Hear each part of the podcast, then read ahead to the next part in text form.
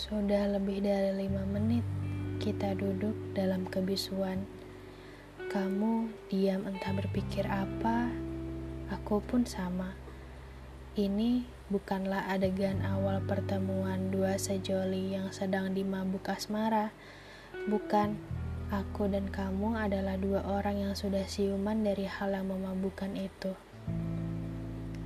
Setelah menghembuskan nafas panjang, kamu baru buka suara memecah kebisuan yang beberapa menit tercipta. Kamu mengiyakan semua hal yang aku tanyakan ke kamu tentang ke mana saja kamu seminggu terakhir, juga tentang kebenaran bahwa ternyata kamu pergi liburan bersama perempuan lain.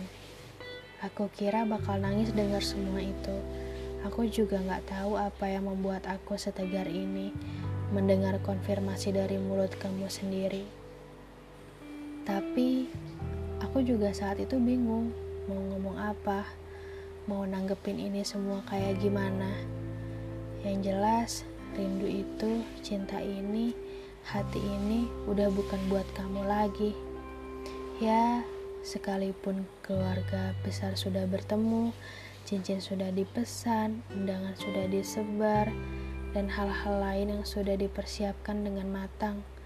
Tapi detik ini juga aku sudah tidak ingin melanjutkan hal apa pun yang berkaitan dengan kamu.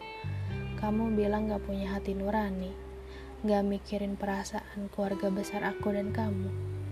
Tapi coba deh dibalik, saat kamu memulai semuanya dengan perempuan itu, apa kamu gak mikirin keluarga besar kamu dan aku?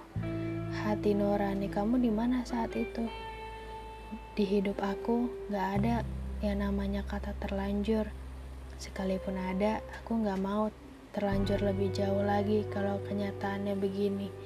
Sekali lagi, semuanya sudah jelas. Rindu itu, cinta ini, hati ini bukan buat kamu lagi.